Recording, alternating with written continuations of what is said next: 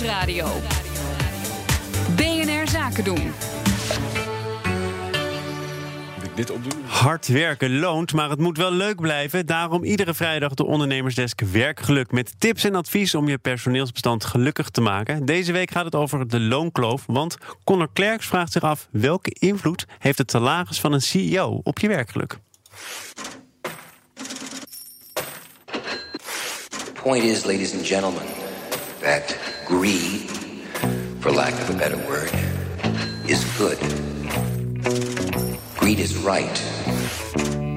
Greed works. Greed clarifies, cuts through, and captures the essence of evolutionary spirit. Greed. Greed is right. Greed works. 292 keer het loon van de gemiddelde medewerker. Zoveel verdiende de CEO van Unilever in 2017, volgens het FD. Ja, dat zet je wel aan het denken. Kijk, ik ben niet vies van een beetje geld verdienen. Maar als mijn baas 292 keer zoveel als ik verdiende, ja, dan zou ik toch wel even achter mijn oren krabben. Is mijn baas bijna 300 keer zoveel waard als ik? En wat zegt dat over de waarde van mijn werk? Het stuk van het FD over de topsalarissen is gemaakt met onderzoek van Focus Orange. Medeoprichter Camille Selker vertelt dat de markt bepaalt hoeveel een CEO waard is. Wat verdienen andere CEO's? Dus organisaties vergelijken zich graag met uh, andere vergelijkbare organisaties van dezelfde omvang. En wat de CEO daar verdient, is eigenlijk wat hun eigen CEO zou moeten verdienen. En dus drijven bedrijven die prijs eigenlijk gewoon op onderling.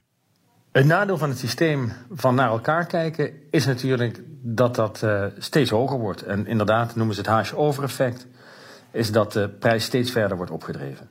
Ik denk dan, op een gegeven moment verdien je toch gewoon genoeg. Maar zo werkt het niet. Relatieve armoede is het uh, begrip dat een ander meer verdient dan jij. Dus zelfs al verdien je 10 miljoen, als iedereen in je omgeving 12 miljoen verdient, dan heb je het gevoel dat je relatief onderbedeeld bent. En dat je dus in relatieve armoede leeft. Dat is voor andere mensen onbegrijpelijk dat je met 10 miljoen niet genoeg zou kunnen hebben.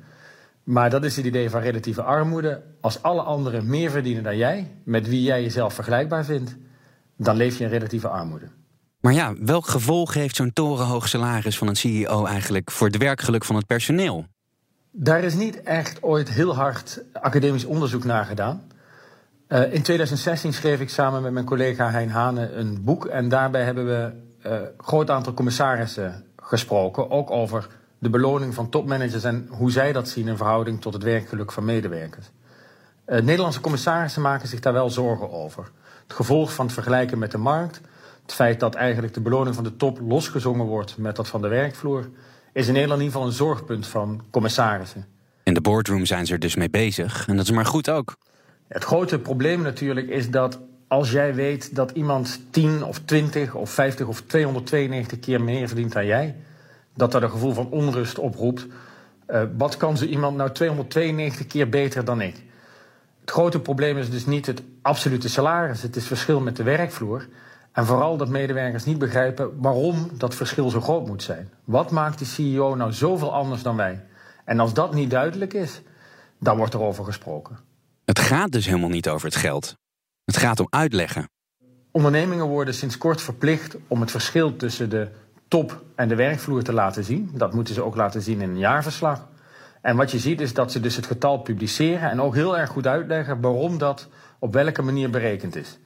Wat ze niet uitleggen is of ze zich comfortabel voelen met het getal of hoe dat zo ontstaan is. En voor Unilever wordt de topman vergeleken met waarschijnlijk iemand die thee plukt in India. Terwijl dat voor een bankier heel anders is. Dus het getal heeft een bepaalde achtergrond en er is een bepaalde reden waarom dat verschil wat groter of wat kleiner is.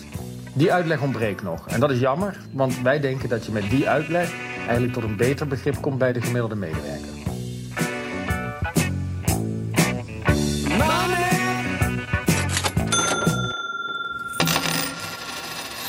Dit was in Klinkende Munt een bijdrage van Connor Klerks. Ondernemersdesk Werkgeluk wordt mede mogelijk gemaakt door Effectory. Effectory. Listen, learn, lead.